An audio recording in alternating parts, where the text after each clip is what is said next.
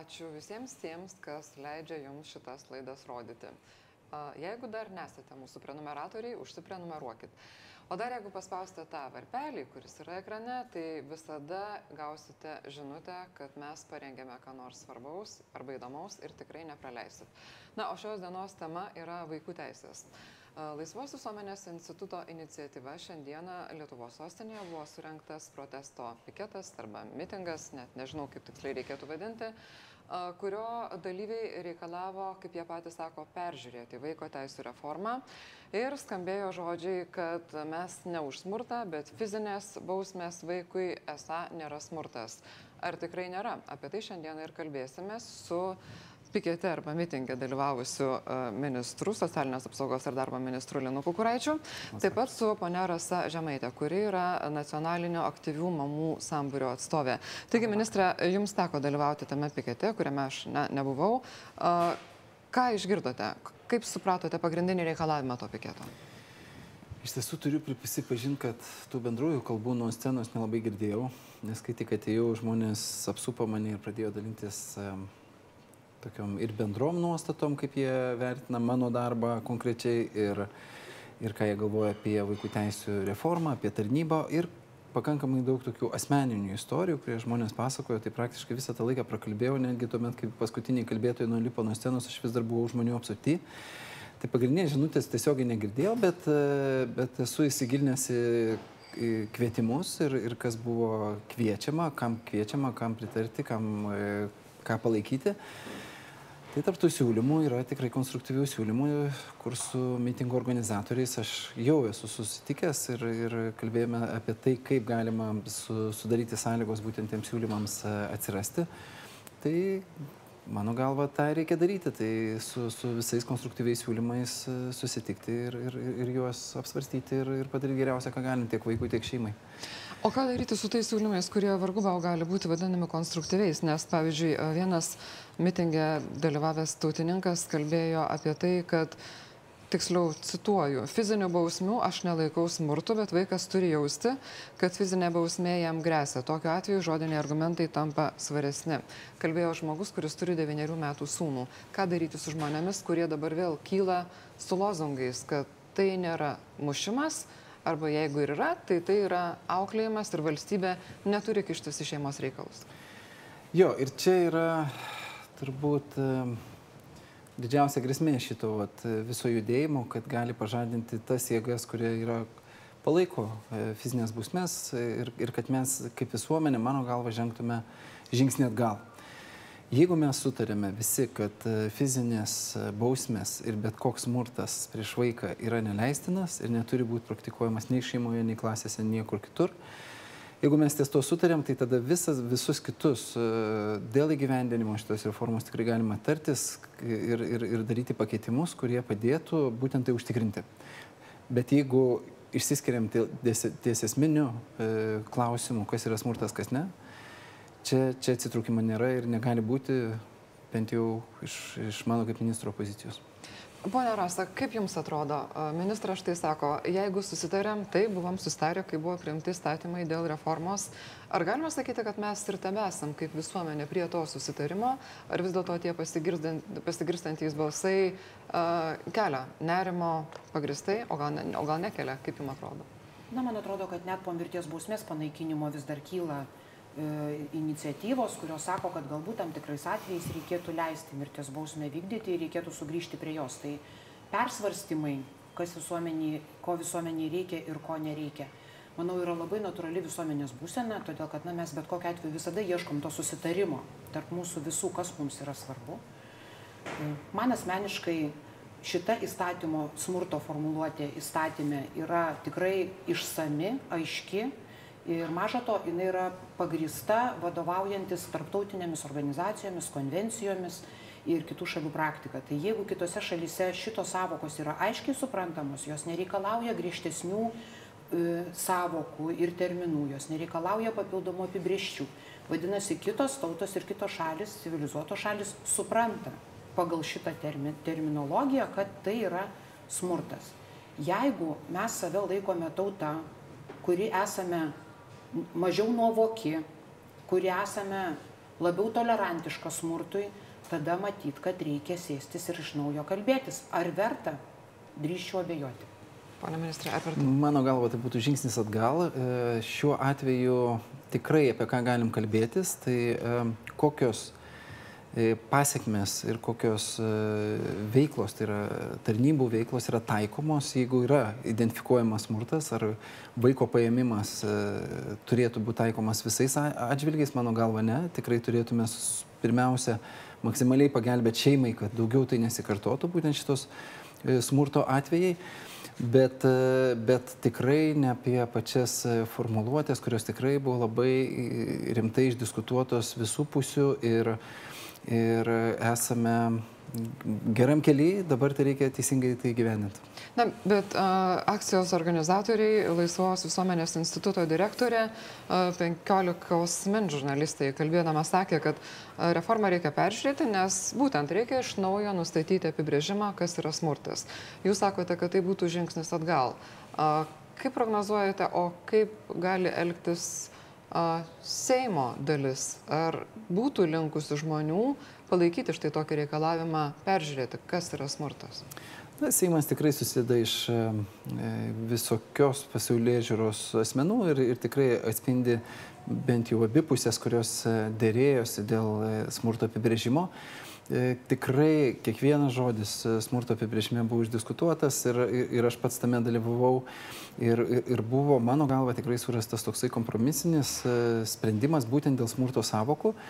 E, dėl viso kito, dėl gyvenimo dalies, kaip ir sakau, galim diskutuoti, tačiau, tačiau jeigu pakelsim šį klausimą, tai gali būti, kad e, mes žengsim žingsnį atgal ir būtent tas paskatinsim visuomenė jėgas, kurios linkusios ir nori reabilituoti smurtą prieš vaikus kaip leistina auklimo forma.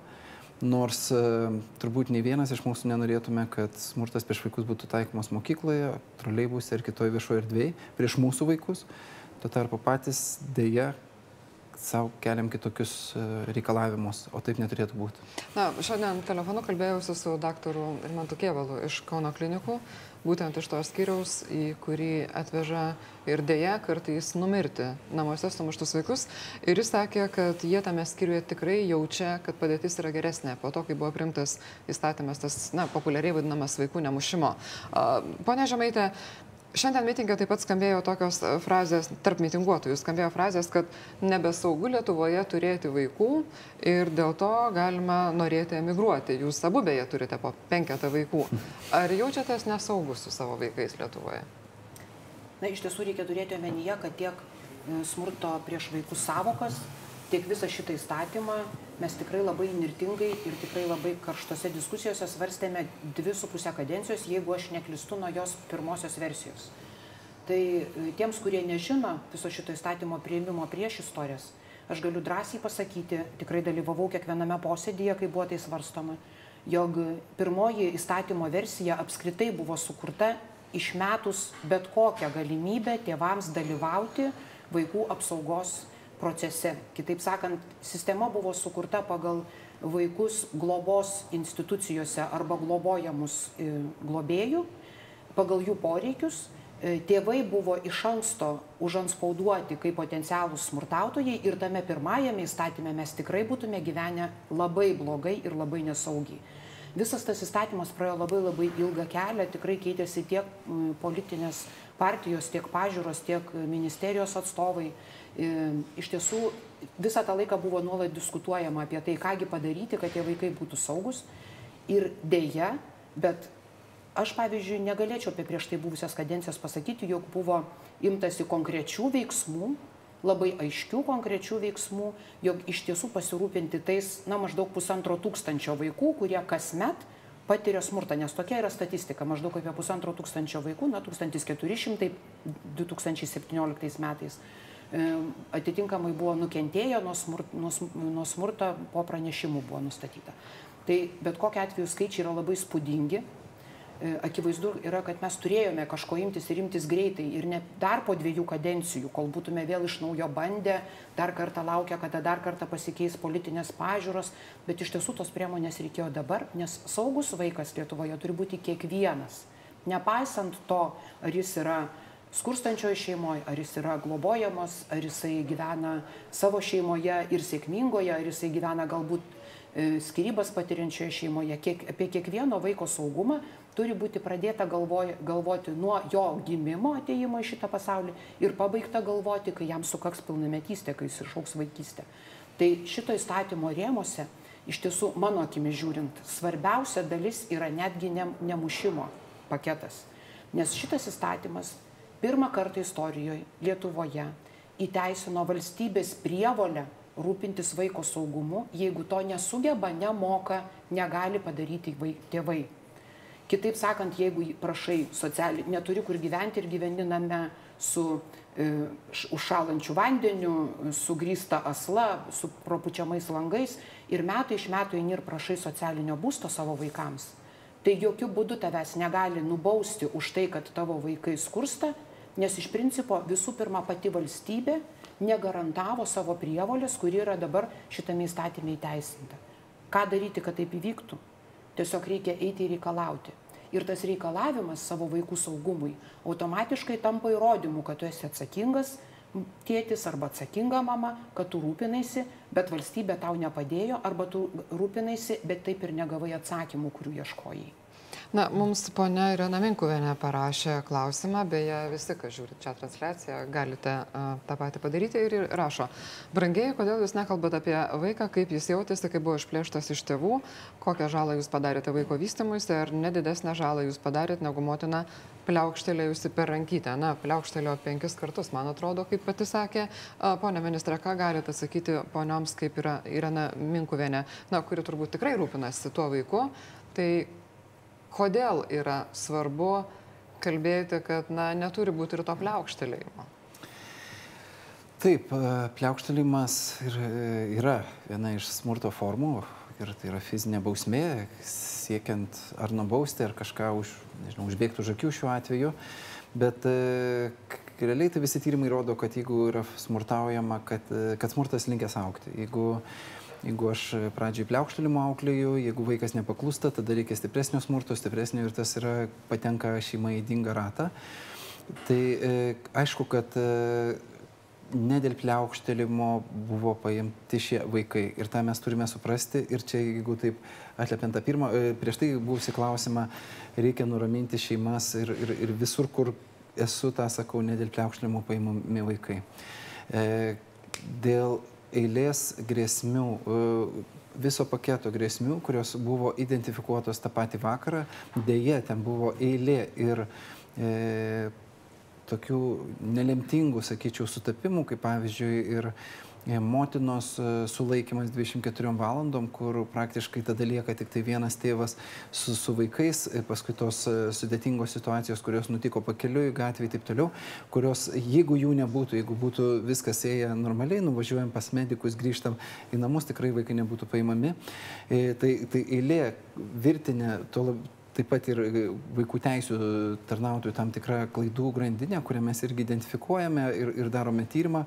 E, nulėmė šitą situaciją. Dabar atsakant e, klausiančiai, e, kiekvieno vaiko paėmimas iš šeimos yra didžiulė trauma, mes tą visiškai suprantam ir, ir kad tai turi būti tik tai kraštutinė priemonė ir atitinkamai matydami tokius atvejus, kur galimai galėtų būti e, kaip perteklinė priemonė panaudota, e, galvojam vidinės sistemas, kaip būtent, kai, kai patenka tarnautojai tam tikrą pilką zoną, kur neiško ir paimti ir nepaimti, ir kaip jam elgtis, kad jis turėtų pagalbą, kur, kur galėtų atvykti dar papildomas specialistas, kvalifikuotas, kuris gebėtų padėti šeimai pasilikti su vaikais, bet aišku atsiveriant tai pagalbai, kur yra būtina, jeigu yra identifikuojama. Tai, tai e, tokį e, dvigubą kontrolę sprendimų mes e, planuojame gyvendinti, kad tokie atvejai, jie, jie nesikartotų, ypač tie iš va, tos pilkos teritorijos, kur, kur yra abejonė imti ar neimti. Na, e, grėsmė e, visai reformai, ką liudyja ir, ir mitingai su piketais, kyla ir dėl to, kad e, netyla diskusijos dėl vaiko teisų apsaugos tarnybos darbuotojų veiksmų, šiuo atveju konkrečiai Kaunas skyriaus.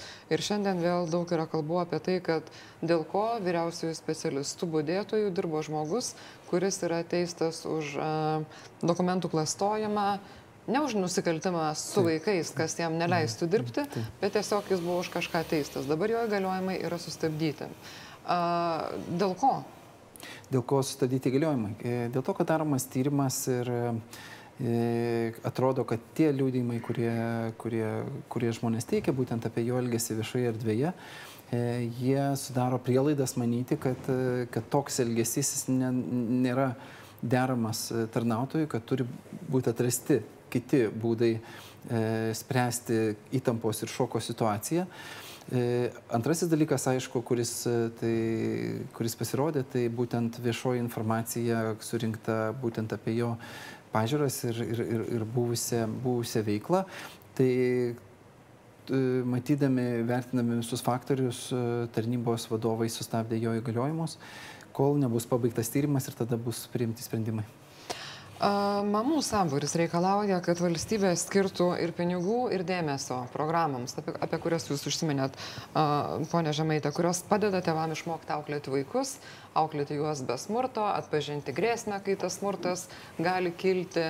Ir šiandien buvo susitikimas ministerijoje, kur buvo kalbama, kaipgi tai padaryti. Tai ko iš tikrųjų labiausiai norėtų mamų sambūris, nuo ko turėtų būti pradėti tie dalykai? Na tai iš tiesų aš jau minėjau, mūsų akimis žiūrint, e, vaiko teisės prasideda su vaiko giminimu ir netgi dar anksčiau jo besilaukiant ir pasibaigia, kai vaikas e, išauga vaikystė. Tai iš principo tiesiog norėtųsi tokio labai nuoseklaus, vientiso požiūrio į vaiko teisės. Kitaip sakant, jau turime įstatyminę bazę, kurioje nėra skirtingų kriterijų taikant arba netaikant e, smurtą prieš vaikus. Kitaip, reiškia, jeigu yra vaikas turi būti saugus visose aplinkose, vienodai saugus ir šeimoje, ir mokykloje, ir darželėje, kaip ministras minėjo. Tai iš tiesų tuo jau galime kaip ir džiaugtis, na, kad iš principo turime bent jau startinę poziciją, kad visur vienodai galioja. Dabar belieka pradėti kalbėti ir pradėti įgyvendinti, ir mes labai norime, kad tai greitai vyktų e, tuos žingsnius, kurie iš tiesų įrodytų, jog vaiko teisės neprasideda su skundu.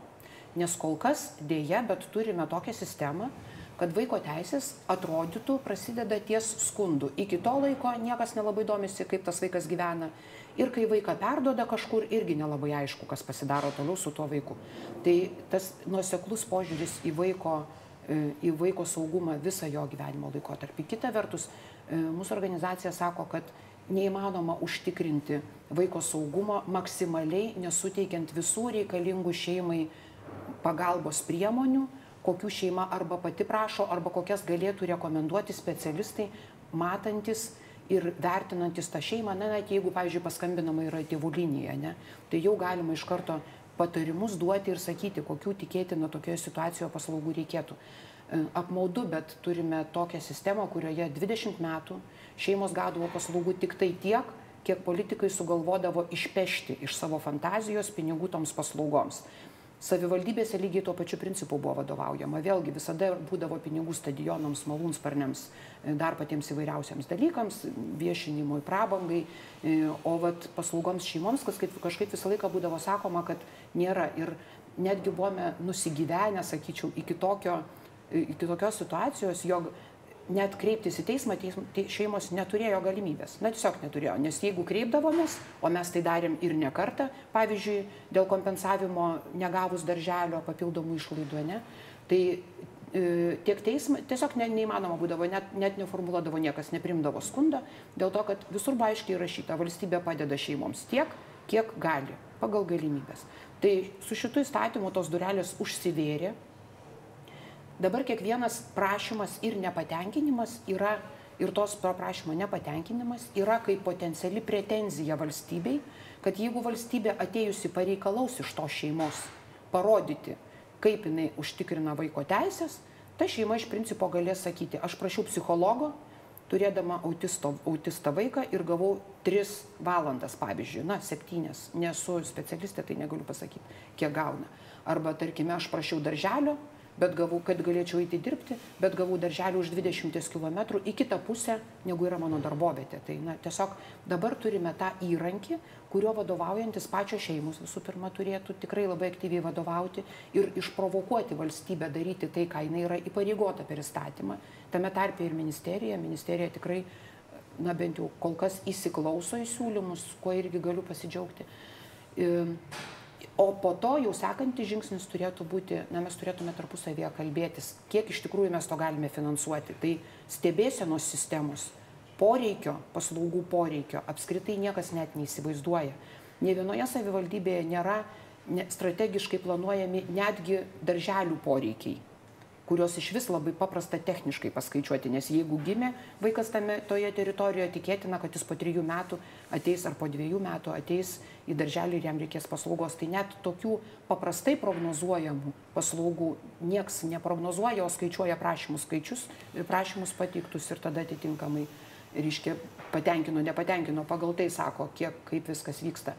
Paradoksas gaunasi kaip Vilniaus rajone, kuriame darželių netrūksta Na tiesiog tenai netrūksta oficiali pozicija savivaldybės. Ir tokių panašių pavyzdžių galima prirankioti per visą sistemą tikrai labai daug. Tai norėtųsi to tokio iš tiesų labai atsakingo, strateginio, sisteminio požiūrio, kuris prasidėtų nuo poreikio įvertinimo, o tai galima padaryti bent jau dabartiniu laikotarpiu, ir pasibaigtų tuo kiekviena prieinama paslauga šeimai tada, kada reikia, kad mes apie paėmimą, vaikų paėmimą kalbėtume kaip apie nesuveikusios sistemos klaidą, nes tada nesuveikia ne tik tėvai, bet ir sistemoje kažkas nesuveikia. Na, bet kalbant, kad ir apie tą paėmimą, nes tai sukelia daug, daugiausia diskusijų ir na, grėsmę visai reformai. Jūs kalbate apie tas programas, kurias valstybė iš tiesų turėtų finansuoti, turėtų žinoti, kam jų reikia, bet turbūt tai liečia tik tai tas šeimas, kurios pačios norėtų tų programų. Ministras kalbėjo ir šiuo atveju apie tai, kad tėvai ne visada net supranta, kodėl reikia bendradarbiauti su specialistais. Tai ar tos programos tikrai gali padėti būtent tais kritiniais atvejais? Aš nekalbu apie kritinį smurtą prieš vaikus, bet tose situacijose, ar jos gali padėti tiek, kad jeigu tėvai nenori bendradarbiauti, nenori tų programų, ar tie vaikai vis tiek neturės būti paimami, jeigu yra pranešimų ir įtarimų, kad jie nėra saugus? Na, iš tiesų, kadangi mes tik pradedam keliauti tų paslaugų, visuoti kompleksinių paslaugų keliu, e, labai yra kol kas sudėtinga įsivertinti, kiek tų nenorinčių. Aš, pavyzdžiui, kaip mama, na, iš tikrųjų labai abejoju, ar tikrai bus daug norinčių, daug nenorinčių, atsisakančių, kai jiems sako, mes jums siūlome, ateikite, atveskite savo vaiką porai valandų į darželį. Visi lakstom ir ieškom tų darželių, ne? O tuo pačiu metu, kol vaikas bus darželė, ateikit paklausyti paskaitos kas yra pozityvi tėvystė, kaip vyksta procesai. Juk už tai niekas nesumuš. Juk gausi papildomas žinias ir dar dikai.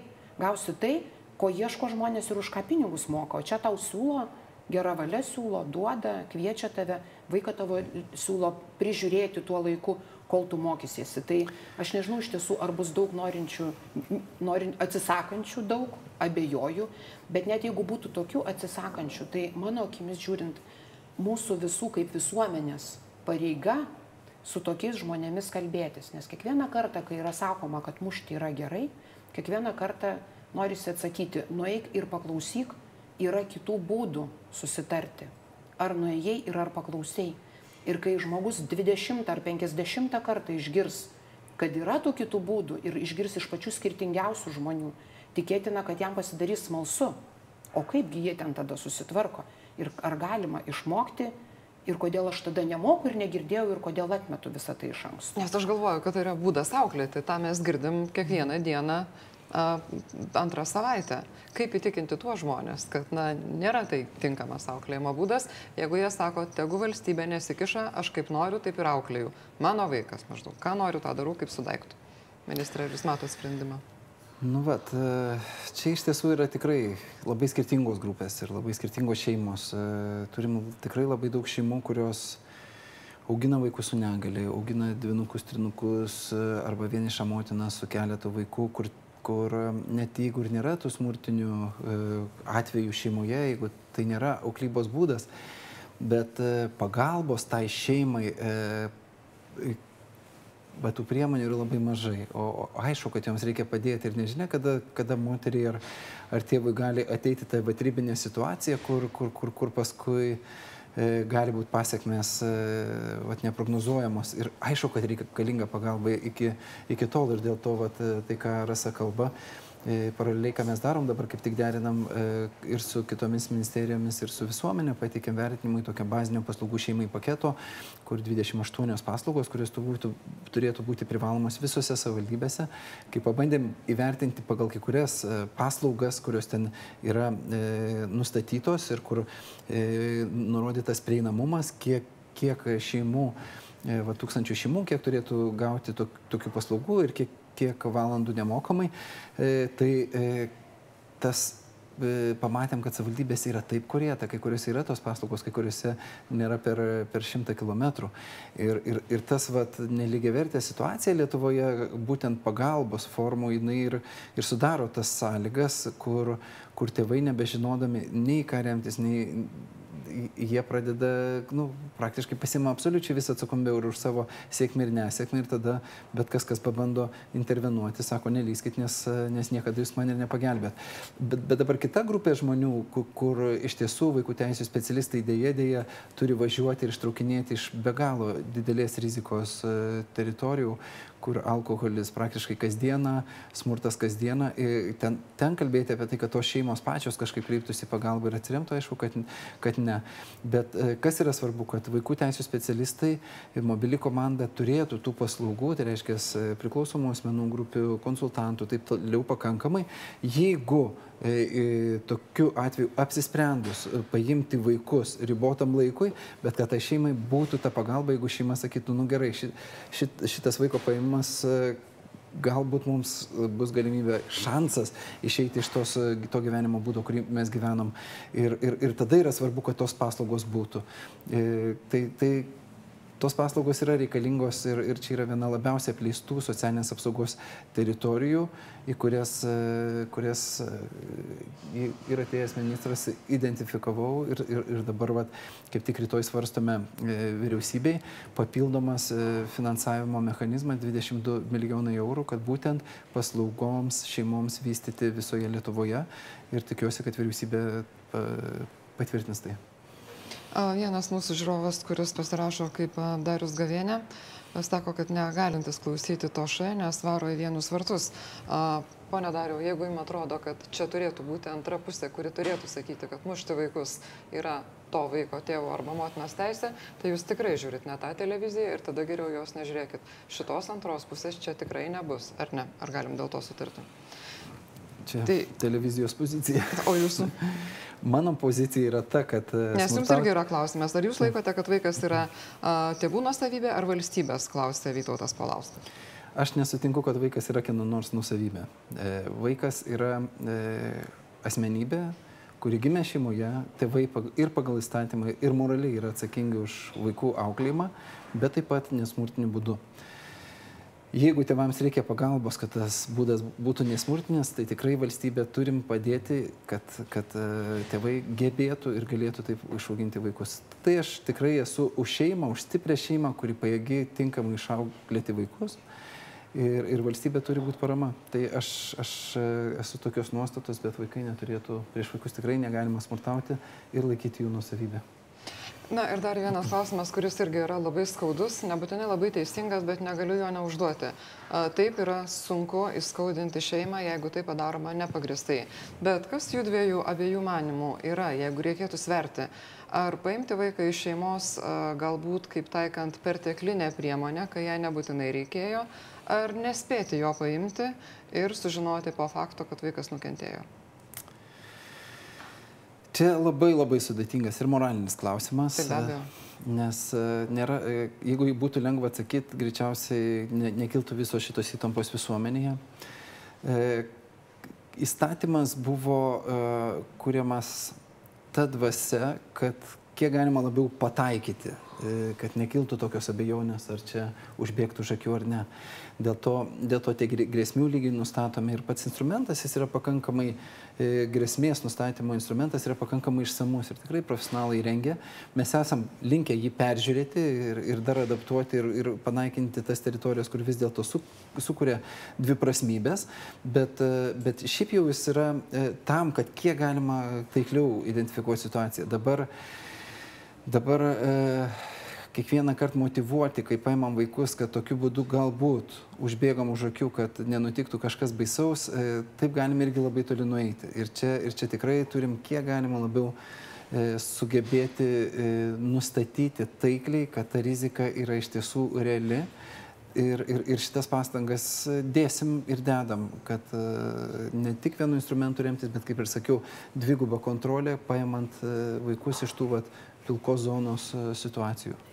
Pane Žemaitė, rimtus klausimus. Aš iš tiesų, kaip mama, tai kiekvieną kartą vis bandau prisimatuoti ir aišku, kad nedaug die, kad tektų patirti tokį košmarą. Tikrai tai yra labai sudėtinga, labai baisi situacija.